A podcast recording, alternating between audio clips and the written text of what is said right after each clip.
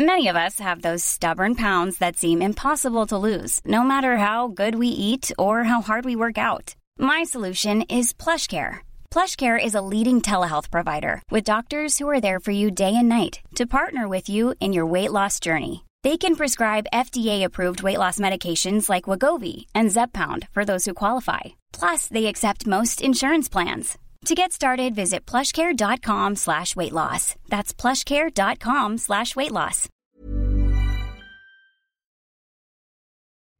Den där, den här bruden som du håller på med, eller nyss älskade. Prata inte för mycket nu. Det här är en podd. Mm. Ja. Kan vi klippa tillbaka? Ja, vi får klippa i början. Nöden har ingen lag. Hej! Stötta gärna oss på Swish.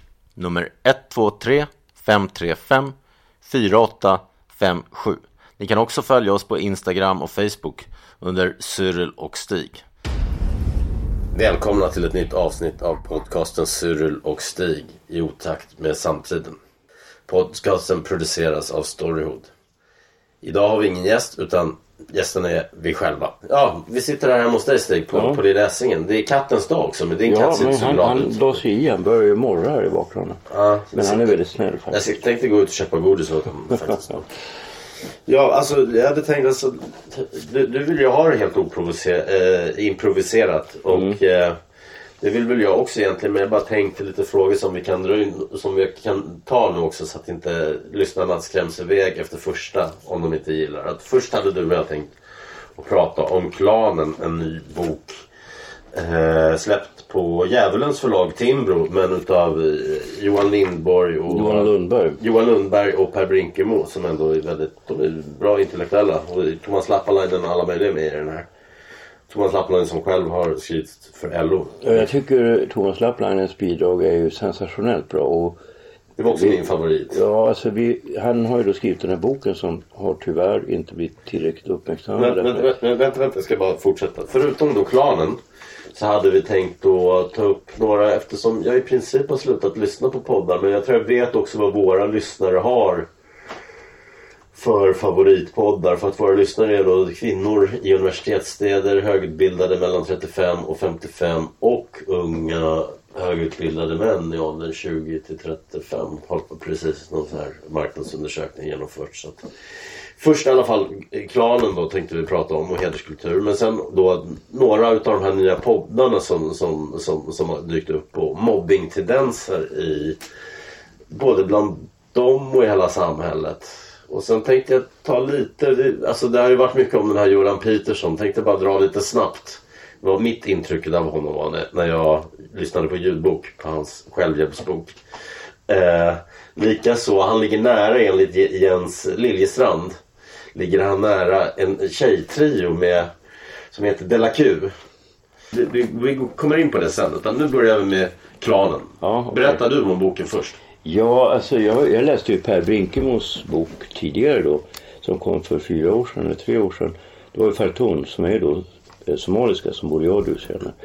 Som gav den till mig och eh, jag tyckte den var bra därför jag har ju genom åren sedan 90-talet lärt känna en del somalier just. Och, eh, och jag förstår ju då att alltså grejen är den att det handlar om okunskap. Va?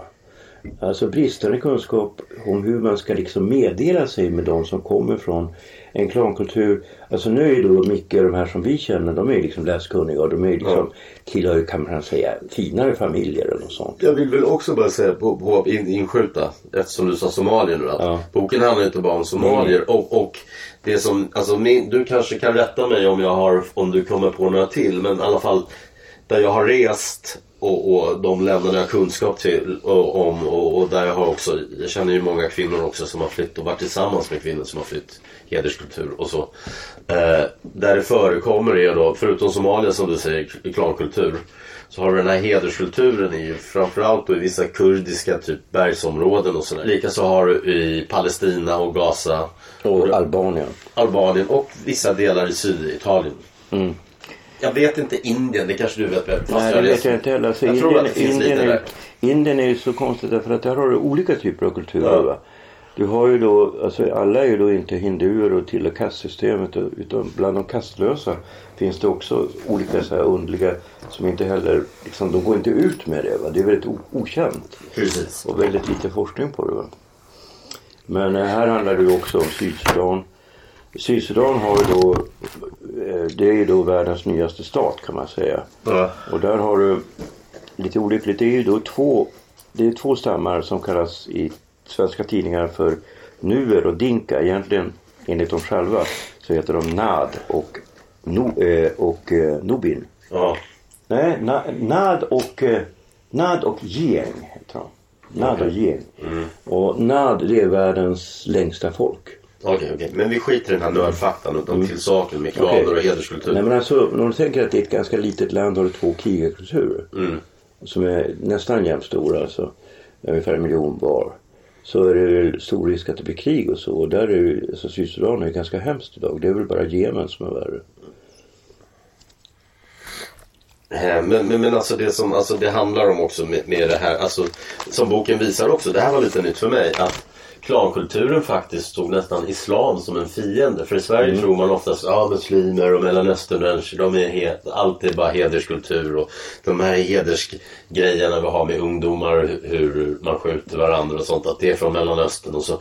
Visst, det finns hederskultur i Mellanöstern, men jag kommer komma in på det sen. Att även jag har hederskultur i mig, för att jag växte upp där med, med, med kriminella delvis. Liksom. Men alltså det med hederskultur är ju något som har funnits i Sverige också i en viss mening. Men, Skydda familjen som Ja. I italienska maffian. Ja men alltså man kan säga så här det är på gott och ont att vi har det med klan, klanerna i Afrika. Alltså orsaken till att vi har mindre eh, gatubarn i Afrika än vad du har i Sydamerika. Det menar jag kan förklaras enklast genom att du har klanstrukturer.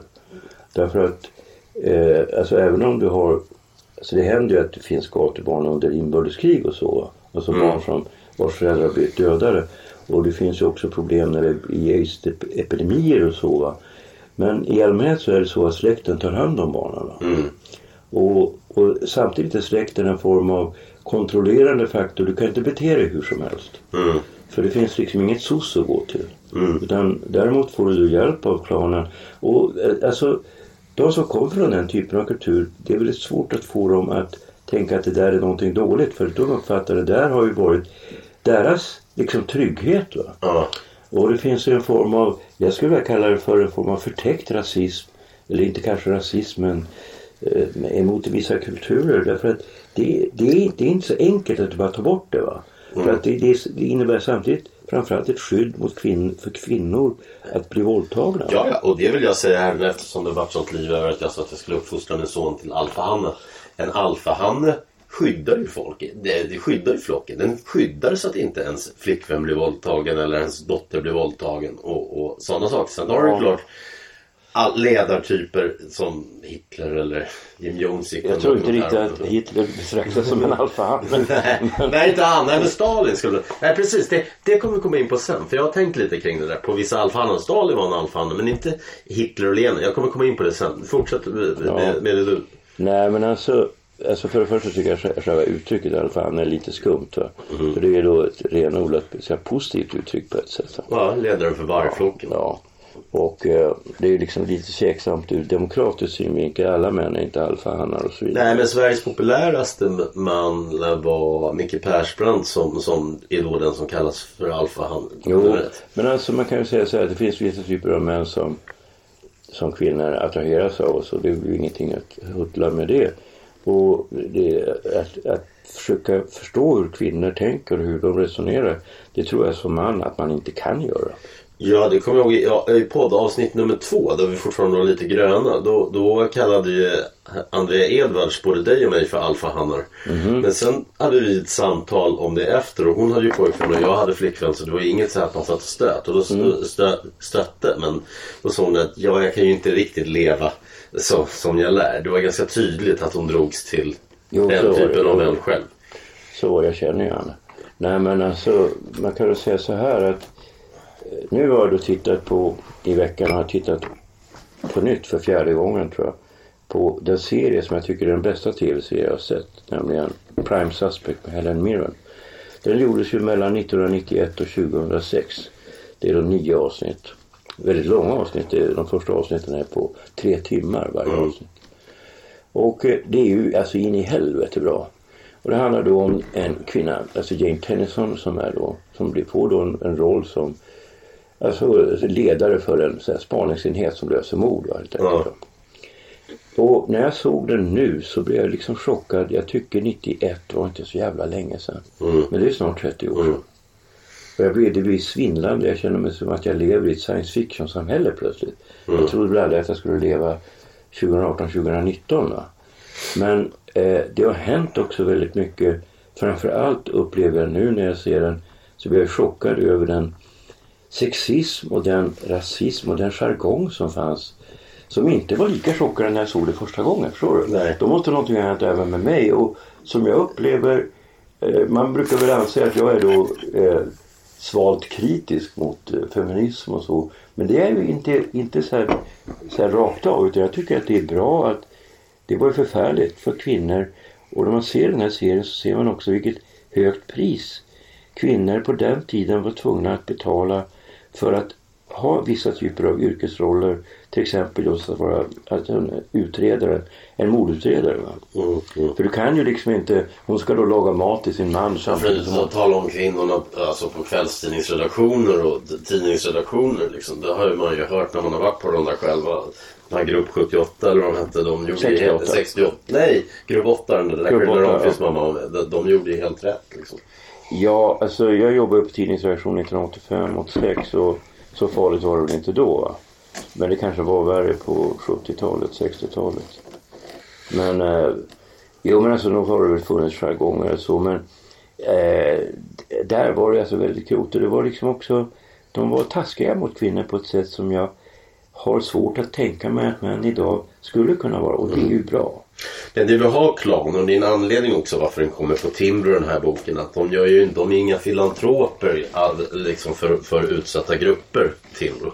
Ut, utan jag tror att det handlar ju om att de vill ju dra paralleller till eh, att vi faktiskt har heders... Alltså det lever ju 150 000 kvinnor under hedersförtryck i Sverige. Antagligen är mörkertalet dubbelt så stort sett. Jag tror att de senaste åren har det skett 10 så kallade balkongmord. Alltså, att de har tvingat sina döttrar att hoppa ut genom balkonger eller knuffat ut dem. Och du har också min egen dotter som är då, hon har ju stått på Europalistan för Feministiskt initiativ. Liksom. Hon var ju tvungen att flytta från Husby för att hon kan ju inte gå ut med hunden själv liksom, eller gå med en pojkvän. Att, att, att, det, att det att då får man ju skit. Att den kulturen där och du har ju tidigare tycker jag fungerat. Min kompis till exempel som är, är romer och de har ju haft sån under de senaste hundra, eller så länge de har bott i Sverige. Han gjorde en dum grej, jävligt dum tycker jag också. Då blev han förvisad ur Rinkeby i fem år. Nu är han tillbaka och Jo, men jag kan också tycka att det finns något sympatiskt. Alltså man ser den här, den här filmen som jag tyckte var väldigt bra, när Måste Git.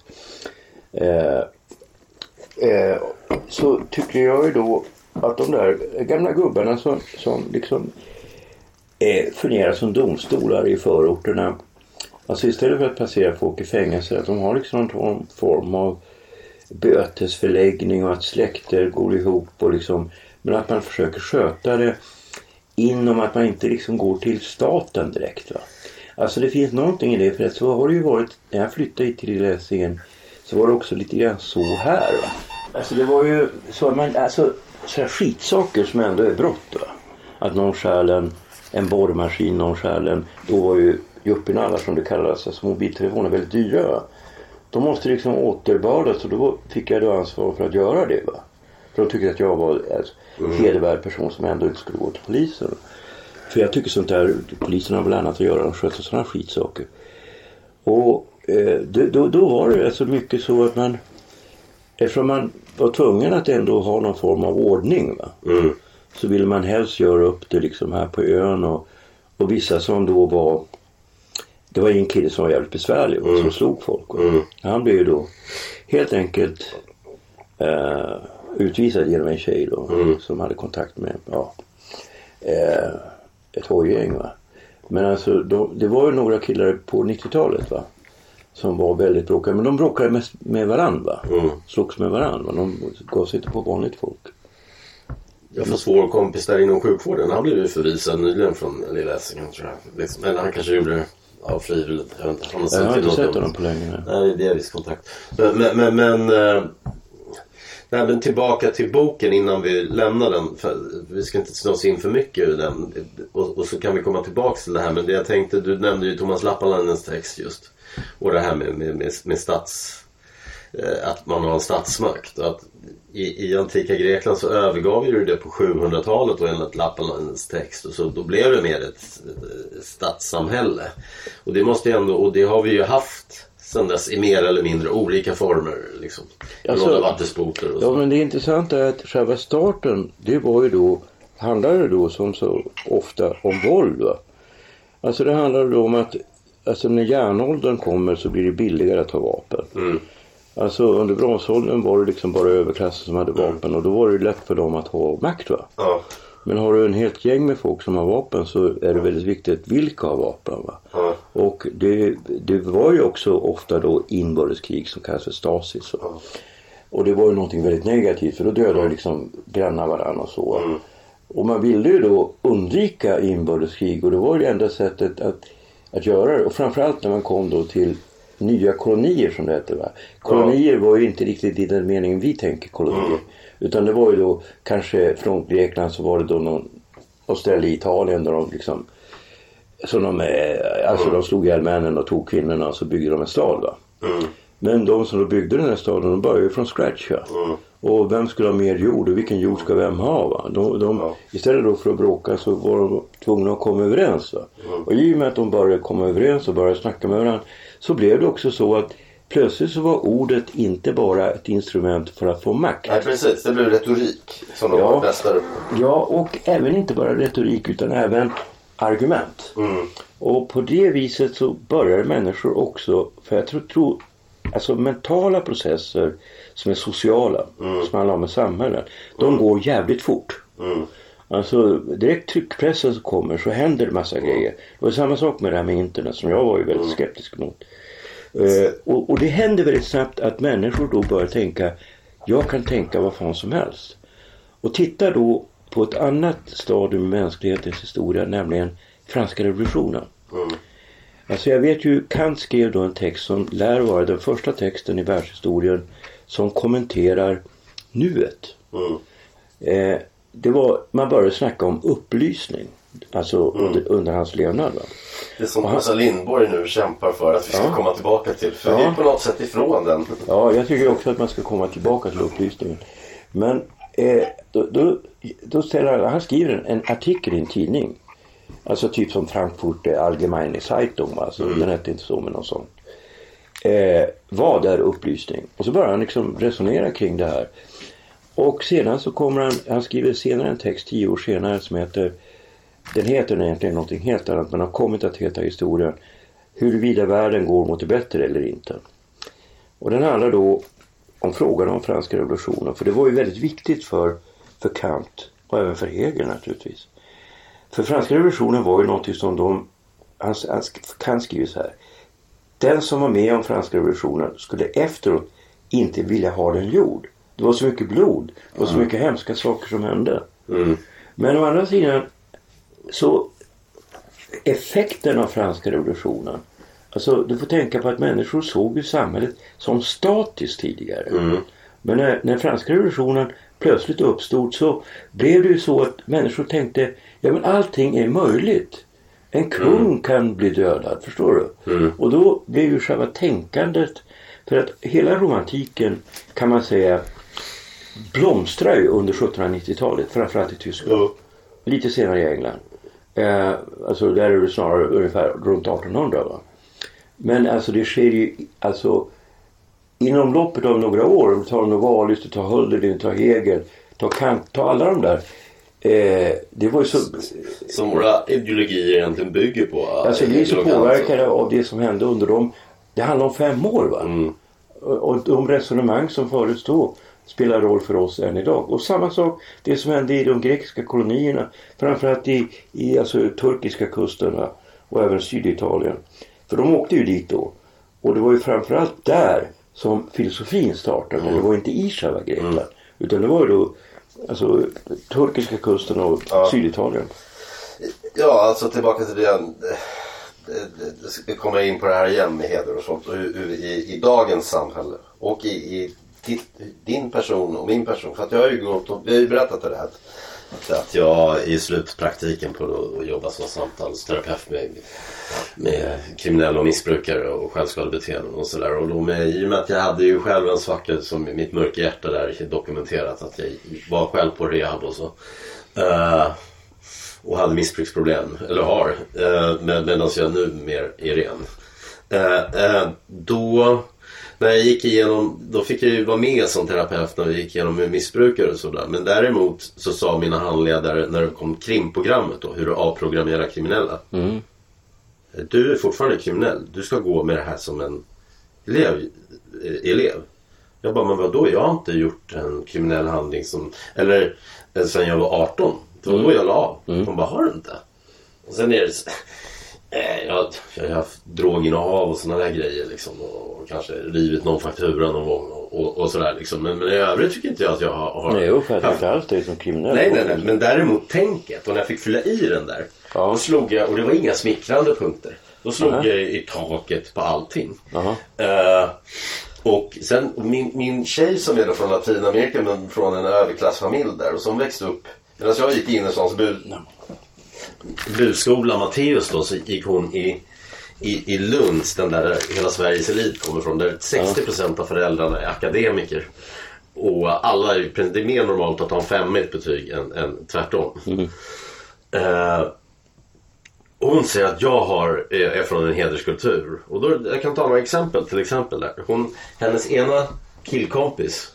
Han blev upprörd på hennes andra killkompis för att han hade hånglat med hans tjej ett halvår efter det tog slut.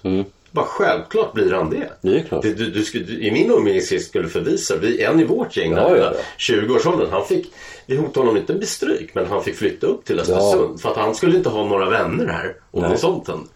Eh, Till exempel. Men så har det varit i mitt gäng också. Jag vet Men inte. nog med det, den killen som blev upprörd. Han åker på semester med ett annat ex utan att tala om det för sitt, sin nya flickvän. Att det också som att det håller man tyst om. Eh, en, en annan väninna från, de här är från kultur och medie-Sverige.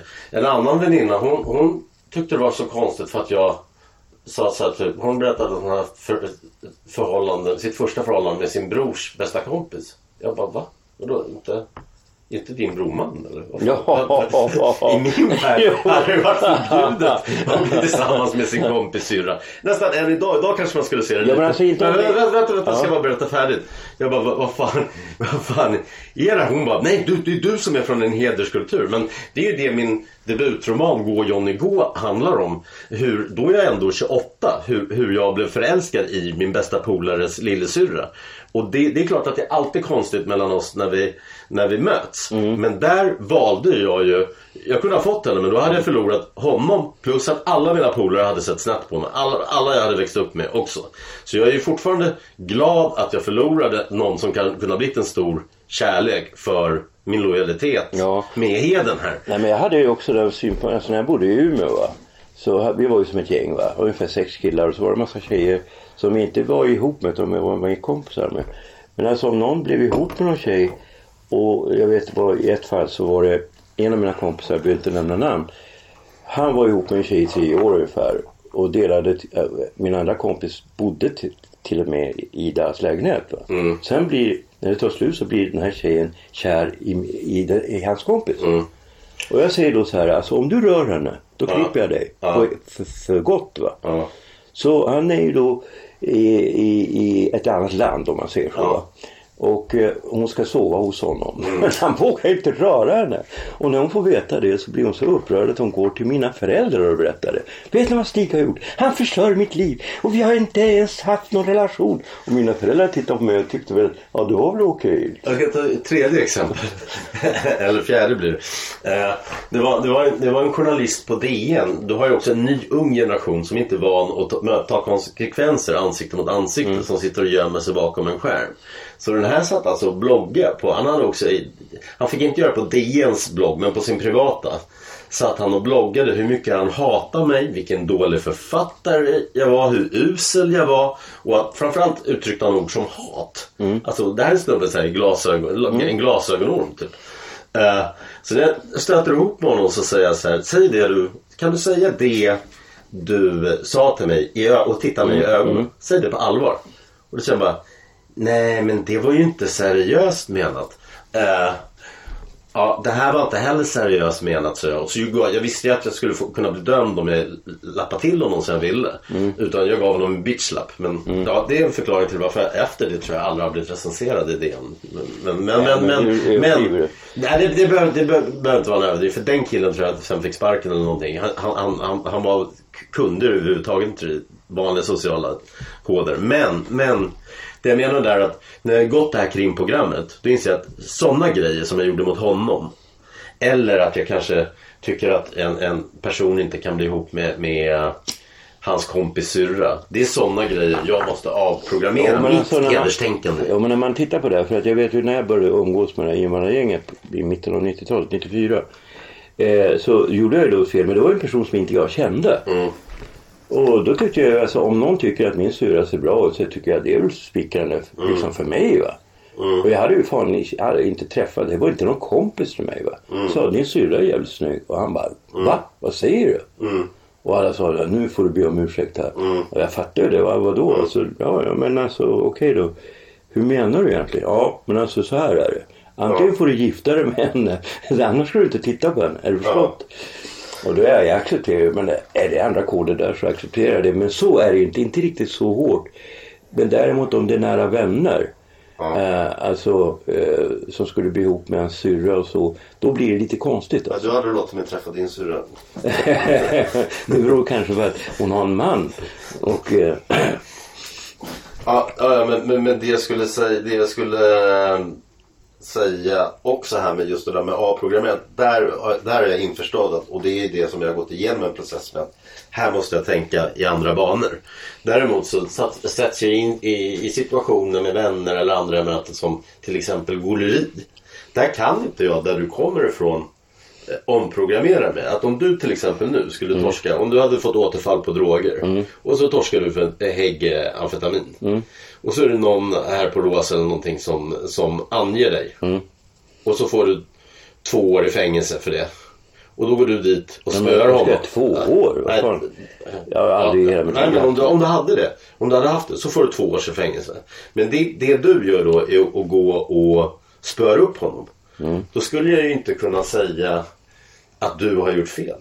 Alltså på något Nej sätt. men Fast alltså, jag ser- alltså man golar ju inte ner folk. Alltså, så Nej men jag har också tänkt, i vissa fall går det. Som jag läste den här, vad heter den där religionsvetaren, i, den där gubben i skinnbyxor? Gardells bror. Äh, Mattias Gardell. Jag läste hans bok om Peter Mangs som för övrigt var väldigt bra faktiskt. Men där var det ju att eh, det var, han, han mötte en lika sjuk så här, eh, vit maktmänniska, rasist. Som han berättade sina mord för. Jag tror han gjorde det för sin pappa också. Men till slut golade han ner honom. Och där är det ju rätt ju. För att här var det ju oskyldiga människor som Ja, ja. Jo, här är ju rätt vissa, typer av brott är ju liksom på något sätt. De går, det går ju liksom över gränsen för vad som är tolerabelt. Men alltså du har ju en annan typ av, alltså om man inte ska hyckla så har du ju en annan typ av eh, moral eller vad du ska kalla för justis när det gäller folk som du känner. Jag tillåter ju inte att folk begår brott när jag ser på. Alltså jag har ju en kompis med ficktjuv. Och när jag upptäckte att han ficktjuvar folk då Ja. säger jag till honom. Och så säger han, fan att du upptäckte det. Fan, han är så skicklig så han återlämnar det då. Ingen märker ju någonting.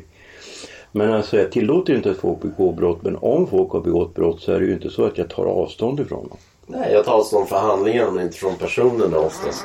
Men, men igår, igår, jag håller på och hjälper Isabelle Eklöf, regissören som har gjort succé nu. Hon fick förresten efter vår podd, där, det var inte för vår podd, men vi kom lägligt där.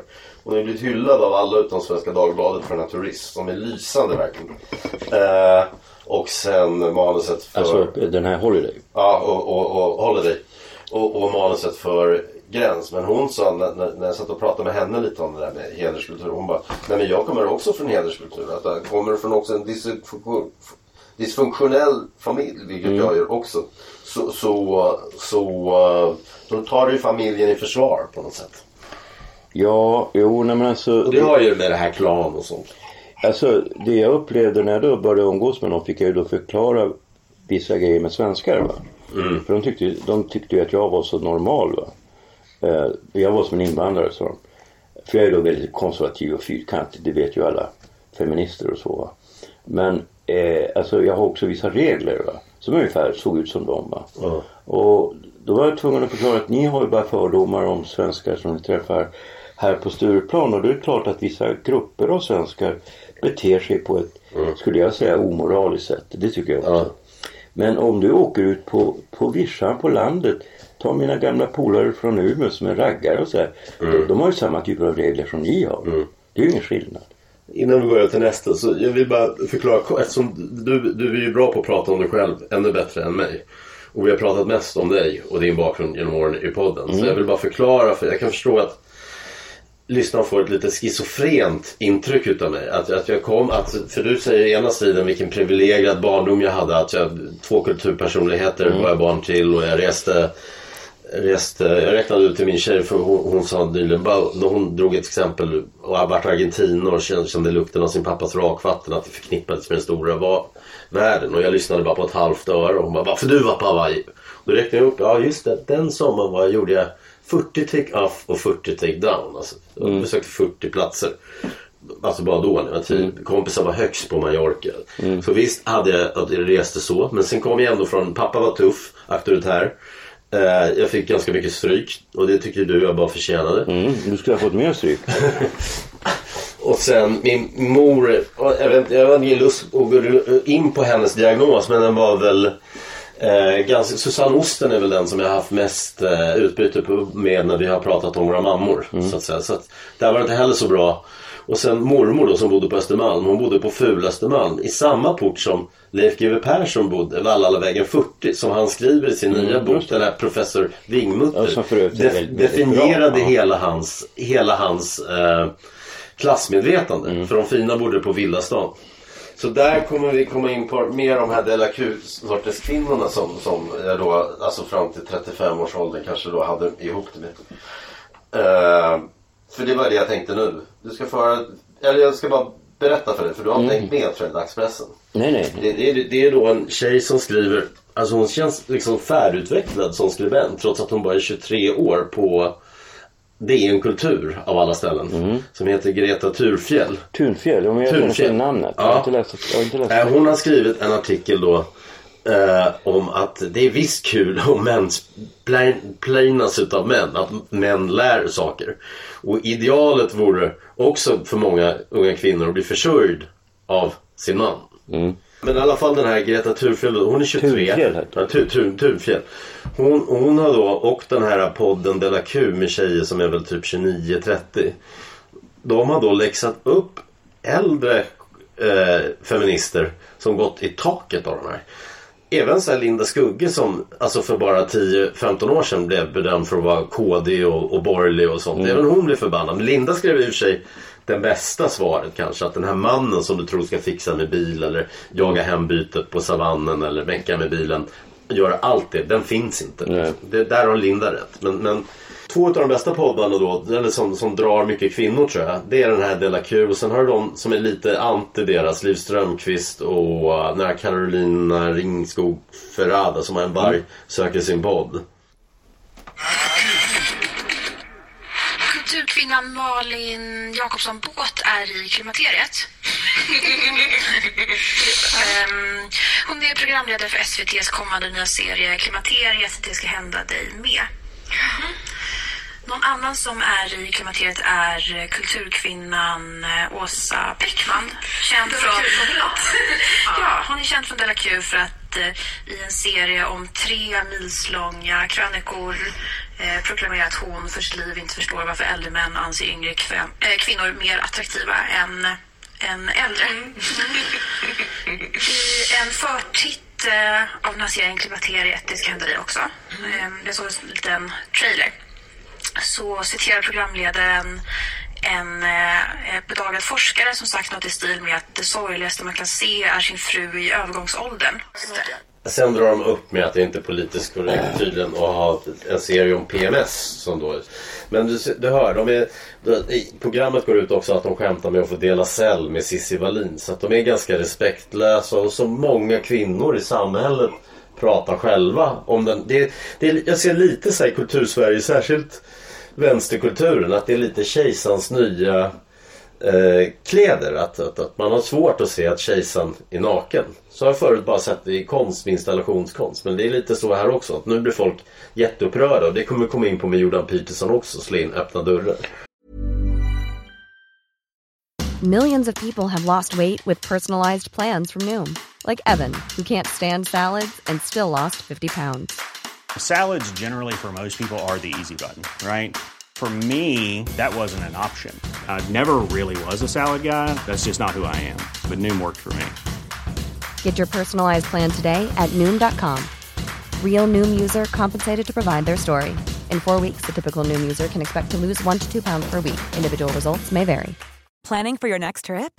Elevate your travel style with Quince. Quince has all the jet setting essentials you'll want for your next getaway, like European linen premium luggage options, buttery soft Italian leather bags, and so much more. And is all priced at 50 to 80% less than similar brands. Plus, Quince only works with factories that use safe and ethical manufacturing practices. Pack your bags with high-quality essentials you'll be wearing for vacations to come with Quince. Go to quince.com/pack for free shipping and 365-day returns. Jo, men alltså, jag tror att det, det handlar som du säger om det med kejsarens nya kläder. Och en sak som jag bara osökt kommer att tänka på det är den här filmen The Square. Eh, att ingen i konstvärlden kommenterar det. Va? Ja. För det, det, det, finns ju någonting lite känsligt i det. Alltså jag försökte ju då eh, skriva om det här i början av 2000-talet. Mm. Eh, men jag fick ju problem med mina vänner som var mm. konstnärer. Va? Mm. De ville ju liksom inte uttala sig för mm. de är så beroende av gallerister också. Alltså konstvärlden är lite speciell. Du kan liksom inte angripa och sen är det också en annan grej att de som är inne i en värld va. Mm. De kan inte Alltså det är en grej med att vara författare. Det, du har inte riktigt samma bindning ekonomiskt va, till mm. andra författare. Mm. Men som konstnärer, de har liksom uppbundna kring en massa andra mm. konstnärer på något så här skumt sätt för oss som står utanför. Va? Det, det, det, jag skulle bara säga så här att om, om, vi ser till allvaret i det här de pratar om. Om vi skulle vara kritiska för det var en tjej som, som skrev, Isabella, någonting på Expressen som skrev att hon kände de här som de coola tuffa mobbingtjejerna mm. i plugget. Och det stämmer tycker jag. Mm. Jag känner, och det var väl typ sådana tjejer jag umgicks med också. Och det stämmer för de här tjejerna kommer ju själva komma i klimakteriet någon gång och då mm. kanske inte så kul. Men det som jag tänkte dels på den här Åsa Bäckmans äh, serie som har hållit på hela hösten. Ingen har, att, att både hon och hennes syrra verkar känna sig åsidosatta av yngre kvinnor. Eller i, i fråga om män. Äh, Dels gör ju det, alltså jag, jag, män har, du, du säger att, att män är attraktivare än kvinnor när de blir gamla. Det, håller inte, det, det har du sagt till mig. Nej men det är så, jag kom Det håller inte jag med om. Nej men alltså du, du har misstolkat mig. Det här kom jag på faktiskt när jag var intervjuad av Aftonbladet Kvinna. De ja. var här i lägenheten. Ja. På väg ut så kom jag på det här. Men ja. vänta, jag, jag, kom på en till grej. Och det är så här att om du tänker dig att erfarenheter är en mans ansikte. Det kan vara någonting som du uppfattar som manligt. Ja, och det är inte bara det utan auktoritet och, eh, och eh, status och pengar och mm. position, alltså det... social kapital. Och där har ju alfahanne arbetarklassen till exempel. De har ju, där är idealet för en man arbetarklassen muskel. Medan för överklassen de här... Jo men alltså en sak som vi bör faktiskt ta upp. Jag kommer att tänka på det nu. För jag läser nu en bok av en kille som heter Ludvig Köhler som handlar om posten. Jag ska recensera den. Eh, och de som växer upp idag de växer upp under delvis andra betingelser än vad vi gjorde. Ja. Alltså dels är det Dels är det hårdare idag alltså att få jobb och sådana grejer. Va? Vi kunde delvis leva ganska oansvarigt. Va? Alltså det kirrade sig på något jävla sätt. Nu har du liksom Nu är du liksom betungad av det här med att det inte finns bostäder. Mm. Och det, har, det är svårt att få den här typen av du vet, jobb som du bara... Jag sökte aldrig jobb utan jag gick bara runt på olika hotell och frågade behöver ni någon som jobbar här? Ja. Det tog mig typ två dagar så hade jag ett jobb. Ja. Eller man ringde ett psyke och frågade kan du jobba här? Eh, jag fick jobb faktiskt samma dag. Va? Och, och jag jobbade som lärare och fan, men det var ju jävligt bökigt för ungarna var ju redan då på 70-talet så förvildade. Va? Ja. Men eh, det gick ju och det var inte så... Jag kunde vara ganska obekymrad om min egen framtid för jag utgick ifrån att det skulle kirra sig. I dagens läge är det mycket svårare. Och det är också mycket tuffare att ge sig ut till att leva så här bad va, som du eh, tycks ha gjort. Det är mycket större risker med det idag. Ja, ja, idag hade jag blivit skjuten. Men, men i alla fall vilket fall som jag skulle säga om de här med, med, med det här med Åsa Beckmans krönikor. För det, då kommer vi in på det här med Jordan Petersons. För hans bok är egentligen, när jag lyssnar på den, självhjälp, det är en självhjälpsbok. Och det är egentligen som att han säger jorden är rund. Ändå blir folk jätteupprörda. För att man tål inte längre att höra sanningen. Han säger vissa dumma grejer men det bästa är egentligen självklarheter bara. Och det, det, det är samma sak. Jag vet inte, det här kanske folk också skulle bli upprörda om. Jag säger det där Åsa, att Åsa Bäckman och de är så och hennes syster då är så rädda för att, eller besvikna för att män dras till yngre kvinnor i den här åldern. Då bevisar ju de själva att kvinnans roll är att vara ett objekt. Och det är samma sak. Du och jag skulle ju aldrig, vi kan ha till håret. Möjligtvis sätta på oss en parfym eller någonting men vi står ju inte Nej, det inte kräver. parf- inte parfym. Nej, jag gjorde det fram tills jag var 30 kanske. Inte, inte längre. Nej, men i alla fall. Man, man fixar till håret på fem minuter kanske. Ja, högst. högst. Medan kvinnor står i två timmar och inte nog med det. När de är på krogen går de in och sminkar sig ihop och allting. Så Ja, de det är ju jättefint. Jag tycker att tjejer ska vara de, vill, fina. de vill ju vara ett objekt. Det jag tycker är tragiskt med, med, med klimakteriet, som, där jag känner empati. Det är ju för alla de här kvinnorna som inte får barn. Som har blivit barnlösa som missar den chansen. För som jag ser det. Eh, det viktigaste i mitt liv, även om jag inte har varit en bra far. Och det är ju sånt jag ångrar där. Att jag inte varit där för mina barn tillräckligt. Levt med dem, även om jag har varit där känslomässigt. Det, det, det är ju barn. Och det, den, det måste bli en oerhörd sorg att inte kunna få barn. Särskilt för de som inte har några. Och jag menar, du själv ångrar ju att du är barnlös. Eller hur? Ja, du det drömmer ångrar- ju någonstans fortfarande om barn också. Ja, men alltså det blir så abstrakt på något sätt. Jag får ju skylla mig själv. Jag har ju då valde ju ett liv som jag verkligen inte beklagar mig för. Men jag betalar ju ett pris idag. Va? Och jag har ju tjejvänner som har barn. Jag har ju gudbarn och så. Va? Och jag upplever ju inte mig som ensam. Och jag vet ju inte heller om jag ska vara självkritisk. Om jag hade blivit en sån, jag hade nog blivit en bra pappa så tillvida som att jag är liksom kärleksfull och, och väldigt tydlig. Va, så, här. så på det sättet hade jag blivit bra. Men jag hade varit överskyddande. Förstår du? Okej. Alltså jag överskyddar ju mina katter. Va? Ja. Alltså jag, de får inte gå var som helst och sådär va. Jag, jag är ju så rädd att det ska hända dem någonting. Och, och hur skulle jag Det är bara... svårt när barnen blir tonåringar. Jag Ja men alltså, det, det skulle vara en mardröm. Jag skulle inte kunna sova. och Du vet, Nej, sådär, det va. kan jag inte heller. Ja. Alltså det, det är ju, jag vet inte om jag är tillräckligt... Du vet, jag är på något sätt en alldeles för skör person för vissa typer av grejer. Och nu när jag har blivit äldre så är det lite mer soft för nu är jag inte lika... Alltså känslorna kommer inte lika våldsamt längre. Va? Passion och, och, och rädsla för att förlora saker och ting är inte lika starkt idag som det var tidigare. Och jag tror ju att när jag började hålla på med droger, ska jag vara helt uppriktig, så var det inte bara därför att jag kunde skriva. Alltså nu snackar vi då sent 80-tal, eh, 90-tal. Utan det var också för att döva känslor. Okej, okej, tillbaka. Då ska jag ta upp det här med, med Jordan Peterson. Jordan Peterson alltså presenterar för dig. Jag vet inte om du har koll riktigt på vad han är. Han är alltså, ungefär. Han är alltså statsvetare. Jag tror han till och med är filik eller möjligtvis doktor där också. Men så har han också doktor i psykologi och psykolog. Och det som gjorde att han, innan gjorde han så akademiska böcker och sånt som inte sålde särskilt mycket. Men det som gjorde honom till världsstjärna, världsberömd, det var att han sa, det var i Kanada tror jag, det var en diskussion om hur han använde pronomet hen och han och hon. Och då tyckte han att ja, det är en förolämpning att kalla en transvestit då för han. Det, är- det är ett ohyfs. Men det ska inte vara straffbart. Och då blev det ramaskri och det gjorde honom till stjärna över en natt. Ja, Sen är han då, i fråga om psykologi och- och det här, så, så, så är han då, han är jungian. Och drar mycket paralleller, framförallt till Bibeln. Men även liksom självklarheter som taoismen tar den här att du ska ha en balans i livet och, och liksom plocka mycket från olika eh, religioner. Samtidigt som Lacan har han också och vilka är det med? Nietzsche. Hur, hur, Nietzsche. Ja precis, sluta rätta mig. Jag har svårt med de där tjejljuden. Jag har till och med ett Nietzsche-citat på armen. Då måste jag säga Nietzsche. Nietzsche, okej. Men i alla fall, det är, inte- håll inte på med mansplaining, jag är ingen tjej. jag ska göra samma sak med en tjej. Ja. Men i alla fall, och, och där när jag undervisade filosofi, då brukade, eller i litteratur, då brukade jag alltid börja med Nietzsche och, och säga att Gud är död. Det, det är tack vare honom och Darwin som och i viss mån Freud som vi får den moderna litteraturen. Men han väver ihop allt det där på något sätt. grov överdrift.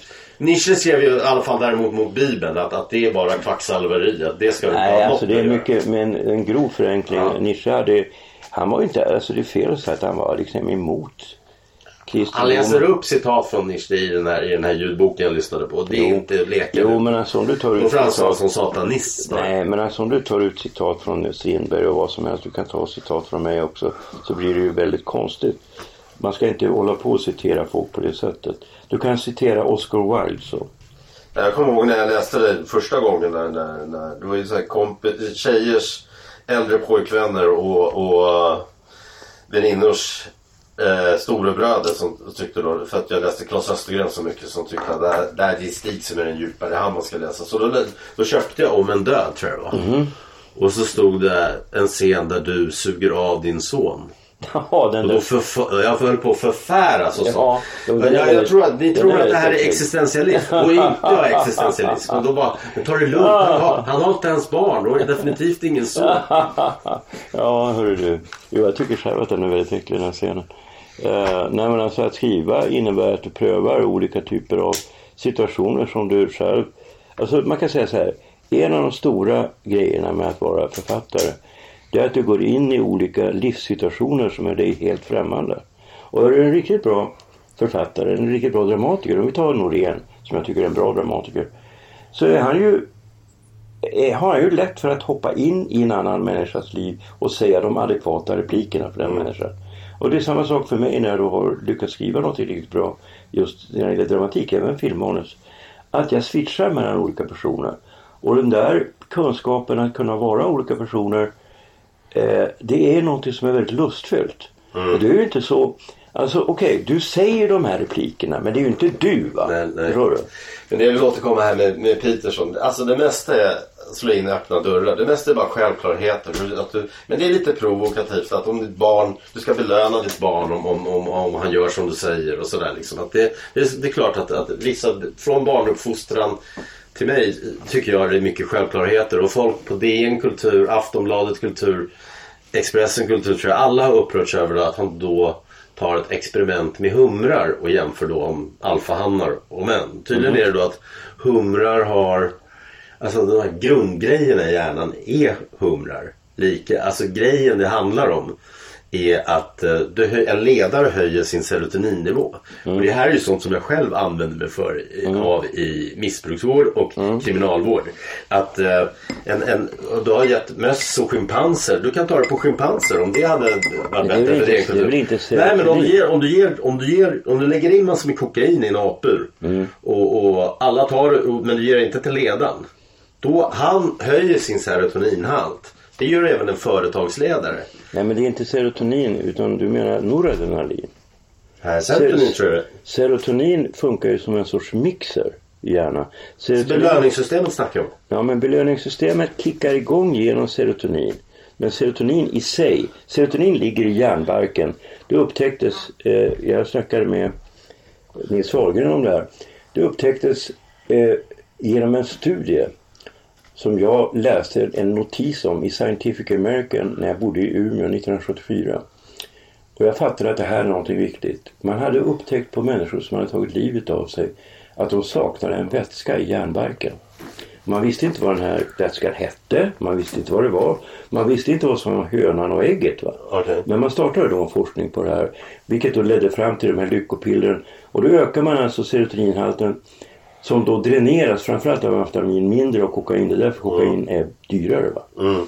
Eh, men alltså serotoninet fungerar, kan man säga om man nu gör förenklare, fungerar som en, som en mixer. Va? Som gör att du stabili- stabiliserar de andra signalsubstanserna som finns i hjärnan. Alltså endorfiner, noradrenaliner. Det finns ju både uppåt och neråt grejer i själva huvudet som är egenproducerade. va? Och tar du bort serotoninet, alltså dränerar det kraftigt, som du också får om du får stroke ibland. Ofta när du får stroke i huvudet va? så, så blir det kärl på serotoninhalten. Det hände min mamma. Och då hade jag läst där så mamma var en av de första i Sverige som fick Prozac och hon blev bra. Okej. Och, eh, och det har att göra med att det där serotoninet, om du, om du har för lite av det, då blir det liksom lite halabaloo i huvudet och, och då resulterar det i att du blir ofta deprimerad för du upplever att du inte har kontroll. Ja, så kan du ta en ecstasy, men det har jag lärt mig. Det är falska känslor du, du verkar. Men, men i alla fall, jag hade lärt mig med serotonin. Det finns en bok som heter Kidnappad hjärna som jag tycker är den bästa om missbruk som man kan läsa om. Och där Mm. för mig också det stod om just serotonin är det man lägger fokus på.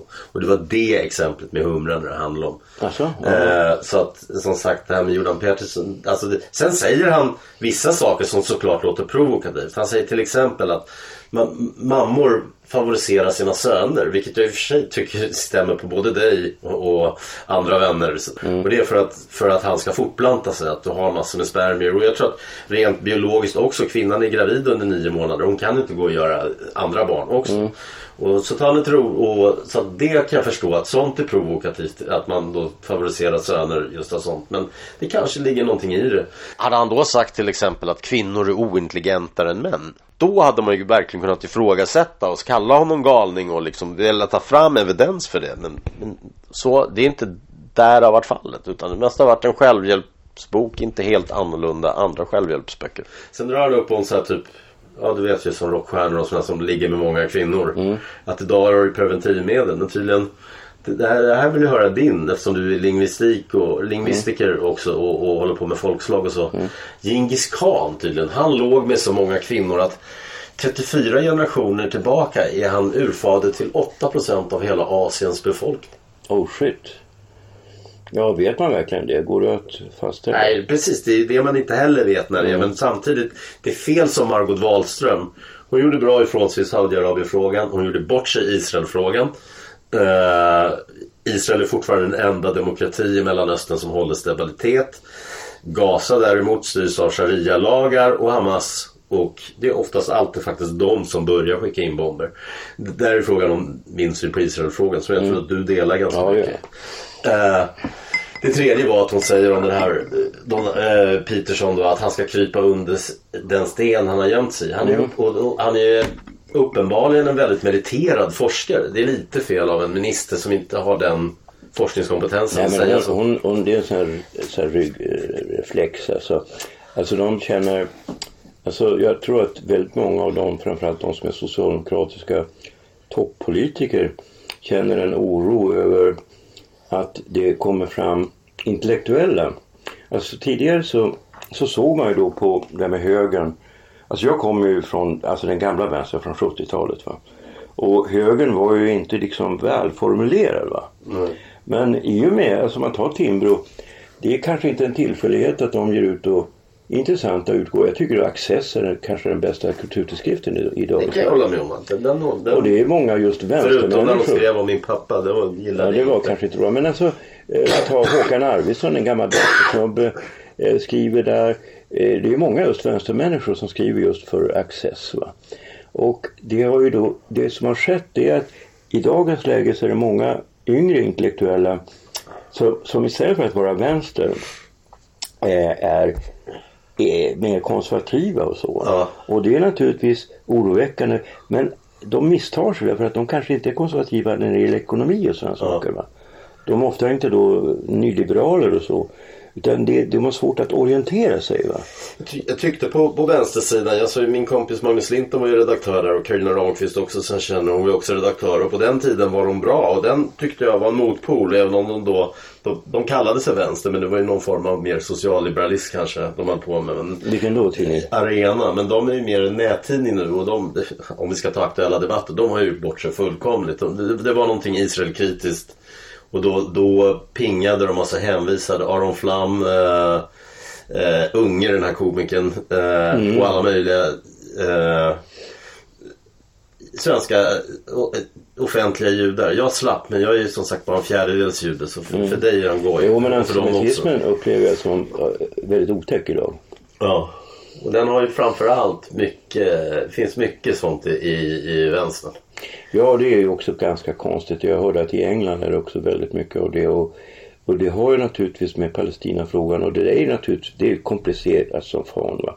Men å andra sidan är det ju faktiskt så att, att om du lever i ett land och du har en massa folk som skickar bomber och de vill uttalat eh, alltså, eh, ta bort ditt land. Så det är klart du måste försvara dig.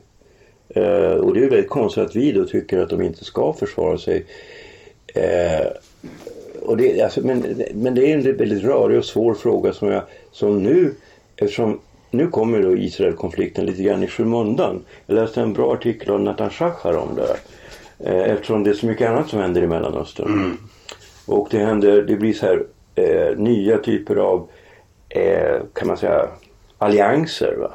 Alltså Saudiarabien, Israel emot Iran och bla bla bla. Du fattar? Ja, det är lite så jag såg Israels ambassadör eller någon presstalesman såg jag på Twitter i, i Sverige. Han skrev att problemet med svenska vänstern är att de är inte emot eh, Israel för, för Israels stat och regimen. Alltså, De har ju ingen bra regim heller. Den är hö höger och nästan fascistisk också.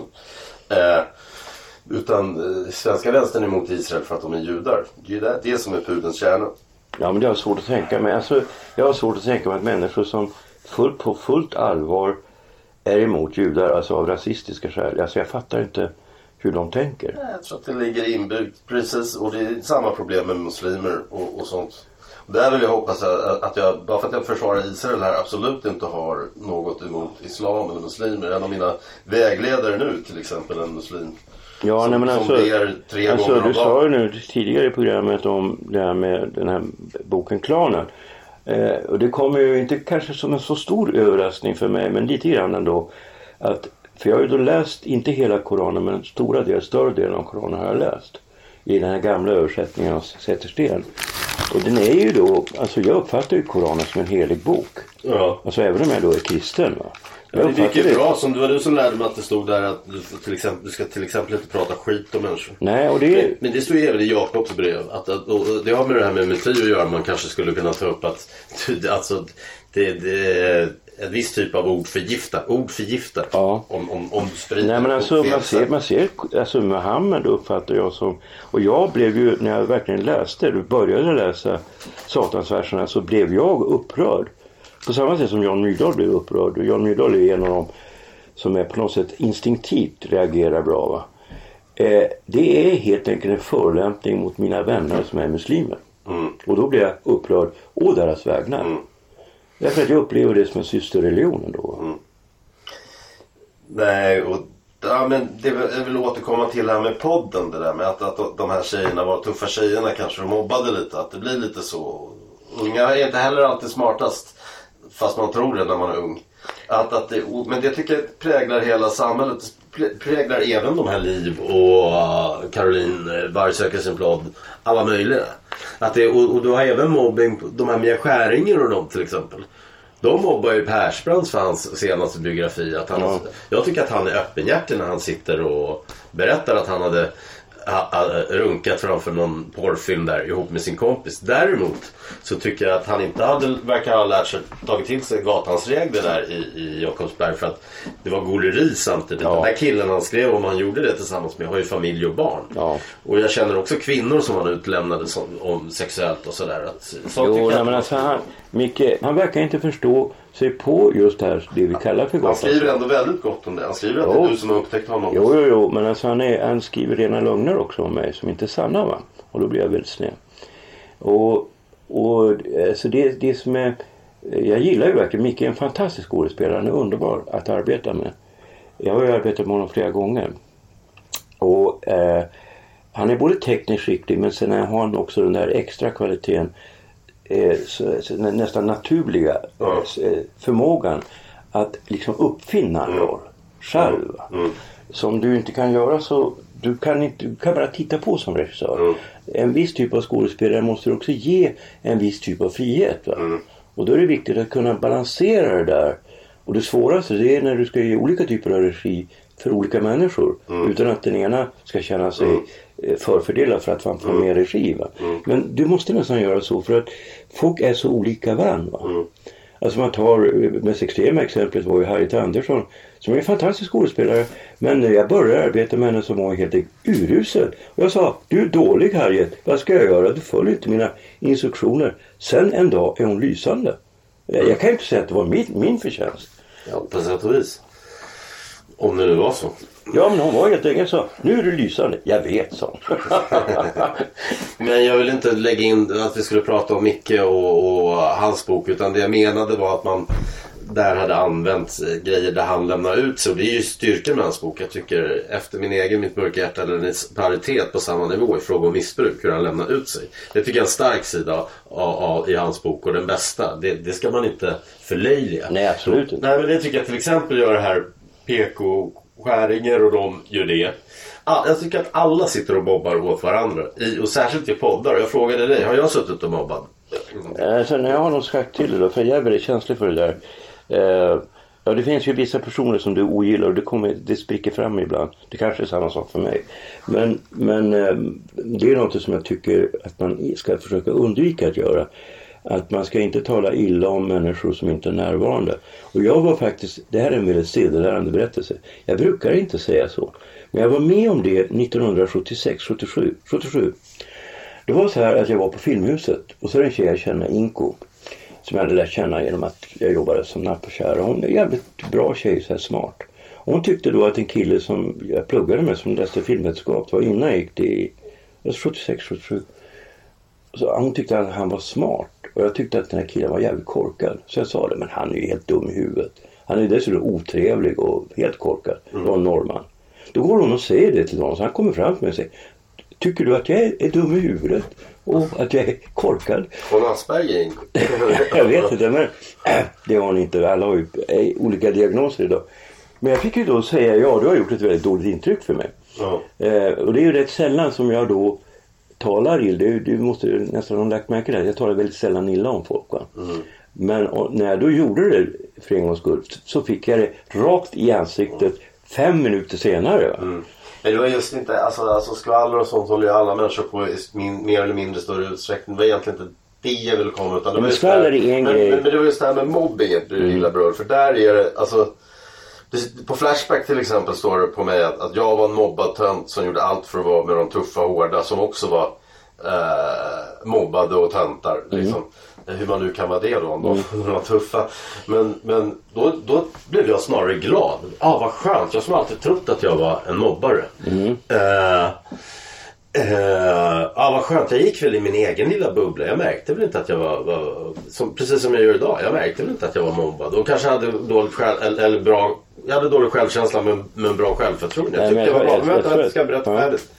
Men sen en, en kompis då som har varit ute och som jag inte träffat sedan vi var 20 år och som har nu varit ute i 27 år och fladdrat runt världen i, som var klassens pluggis. Men efter, när jag slutade bli kriminell så gick han snarare åt det hållet. Så han har varit ute runt världen och hållit på med skumma affärer och flyttat hem. Och sökte kontakt med då, de han ville ha kontakt med. Och då gick vi ut. Och då sa han ju, utan att jag drog upp det, om, om jag var mobbad eller mobbad. Han bara, du var hemsk du. Du var, du var en ledartyp. Du, du knäckte lärare, bland annat Bar- Barbro Lindgren, författaren. Du, du gjorde det och du, du gjorde det. Jag tror att det är därför du är så PK. För där jag är uppväxt, där är jag PK. Men, men, de har, men ja, om du jämför med Stig, då, då är ju vem som helst PK. Du är inte alls PK. Eller nej, försökte jag säga. Eh, att, att, att, jag tycker inte jag är PK. Men de menade, för de är mer som dig. Snarare där, de jag växte upp med. De, de menade att, att de ser mig som PK. Och de menade att det är för mitt dåliga samvete för att, för att jag var en jävel som barn. Och det kanske, det kanske de har rätt i faktiskt. För att det är något som har smärtat när man har haft små barn och ser att ens barn inte får vara med i en lek och, och sådär. Det, det skär i hjärtat. Och det är samma, och Sebastian Staxet som både du och jag känner. Han, han blev ju grymt mobbad, hårt mobbad. Alltså misshandlad efter skolan och sådär som liten. Det här har han ju berättat så det är därför jag kan ta upp det i podden. Men det är ju roten till eh, alla hans problem som han hade med missbruk och kriminalitet och så. Och det var för att han var mobbad. Så det är ju hemskt med mobbing. Så man får väl säga så här nu. Alltså jag tänker nu, nu blir det 2019. Jag tänkte så starkt på det med tiden och när jag såg den här Prime Suspect. Va? Att tiden går, 30 år har gått. Jag har bott här i 30 år nu i årsskiftet. Och eh, det har hänt mycket och jag känner mig, jag skrev ju om det då i den här boken, jag skrev Folk på ön.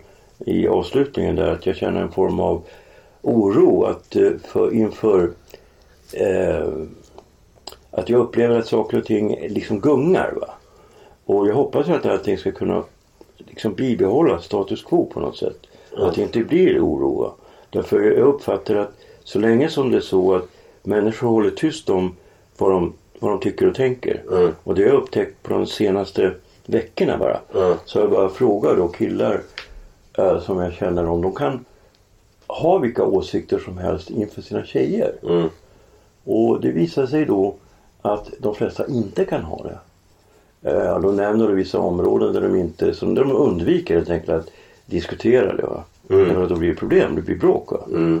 Och jag tror att det är en ganska stor utsträckning och det blir liksom, det är en sorts backlash. Därför tjejerna har, har ju fått en väldigt stark position framförallt i den yngre generationen. Och det handlar om en grej som är jävligt läskig att ta upp men det är lika bra att ta upp den. Alltså makten i en relation ser ut ungefär så här. Om man toppar en konflikt. Vi säger "Vi- nu lämnar vi, jag sticker nu och slår igen dörren. Aha, då tänker du så här. Okej, om hon ska straffa mig.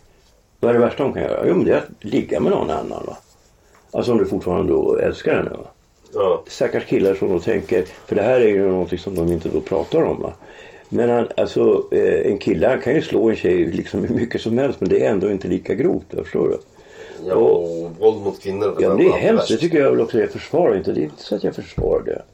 Men det jag, jag, jag försöker förklara varför killar hamnar i ett...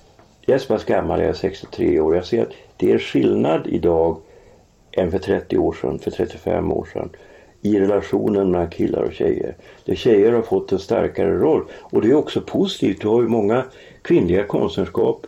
Idag har du säkert fler kvinnor än män som är framstående inom, låt säga kultursektorn. Det tycker jag nog. Men, men alltså du betalar också ett pris för otaliga okända eh, män som är ungefär som vi, men som är yngre. Va? Mm. Här skulle jag bara innan vi avslutar. För, för det, det, jag, kom, jag fick en association här till sånt vi har pratat om. Att, eh, Caroline Rinskog, hon i den där Vargen söker sin podd. Jag var och lyssnade på deras föredrag. De hade en sån här paneldiskussion om Holbeck med Kajsa Ekis Ekman och, och eh, Stefan Lindberg, min kompis, var moderator. Och så var det några tjejer till kanske. Men då sa den här Caroline Ringskog Frida, jag är inte, jag är inte rädd för eh, de här machomännen. Jag är rädd för mediemän. Och där kan jag väl säga så här att när jag, när jag, när jag själv gick i rehab där 2005 när jag kraschade. Då satt vi i sådana här terapigrupper. Och de som, eh, de som var kvinnomisshandlare. Där var det ju inte när vi satt i sådana grupper den här typen som är stor och kraftig och bitig och bankrånare som var kvinnomisshandlaren. Utan det var oftast liksom taniga välklädda killar från kanske Sveriges mer bemedlade områden. Tyvärr. Och, och där tycker jag Jordan Peterson hade en sak rätt i Skavlan. Han, han, han menade att den här typen av män som springer runt och skriker att de röstar på Feministiskt initiativ och har en pussyhatt på, på huvudet. De gör det för att de har inte kunnat klara sig och armbåga sig fram på de, de traditionella manliga villkoren. De har inte de armbågarna. Och det är ett tecken på svaghet. Eh, och svaghet i sin tur leder till, rasism, till fascism. Ja. Och här ska, vänta, jag ska ta upp här ett exempel från min egen. Först tänkte jag, är han verk- kan man verkligen säga det här? Det här låter lite väl provokativt. Men jag kan ta upp här från min egen barndom här i, i, i Stockholms innerstads byskola. Att vi hade en lärare, magister Christer, som var mår, råmoderat. Han satt hela lektionerna, vår klass, alla utom jag i vår klass var sämst på svenska eftersom jag läste. För att i, i lågstadiet hade vi en religiös lärare och här hade vi en som bara snackade om Moderaterna. Så införde han ett system som hette LIFE för att han skulle lära oss till goda kapitalister. Där vi fick köpa allt. Vi fick köpa pennor, vi fick köpa det och det. Eh, det jag gjorde när vi införde förde det där sys- systemet, det jag och en kompis till mig gjorde. Vi, jag, köpte, jag köpte mig fri från mina kvarsittningar och sen bara fuck you, jag är inte med i det här systemet. Medan de som följde honom mest, det var de här två smartaste i klassen. De som hade 5 och 0 allting. Så där handlar ju sånt om fysik också. Däremot var de de här små klena typerna som inte klarar ett slagsmål. Som möjligtvis kunde klara sig genom ironi som jag alltid tyckt varit fek. Det, det, det är motsatsen till det, retorik. Det var därför jag hade lite svårt för Killing till exempel på 90-talet. Men, men, men eh, det var de som borde vara de smartaste. De, de följde varje vink och det är ju samma sak för, för när jag ser på det här stor, i ett större perspektiv. Hade det här varit Sovjet eller Nazityskland. Vi två, vi hade gått med i motståndsrörelsen. Medan de här hade blivit, de här hade kunnat bli Eichmann. Sen den här läraren. Var, han vågade inte gå på oss killar särskilt mycket. Vi som trotsade honom. Vi var två, tre stycken. Eh, däremot gick han alltid, det har jag hört från klasser han haft efter och innan, på och mobbade en tjej som hade vänsterföräldrar så att hon blev tvungen att byta skola har jag fått reda på efter. Så det här var ett riktigt svin, ett riktigt fascistiskt svin. Sånt och de som följde honom var pluggisen. Ja. ja, jag ska inte tala om min svensklärarinna som var med i Moderata kvinnoförbundet, Stiftelsen för moralisk upprustning, MRA, och badklubben Nymferna. Jag tycker vi avslutar det här, med det här samtalet med ett citat från Bob Dylan. Eller från en sångtext, jag har glömt bort vilken låt det är men det har vi väl kompisar som kan mejla in oss vad den heter. To live outside the law you need to be honest. Ja, bra.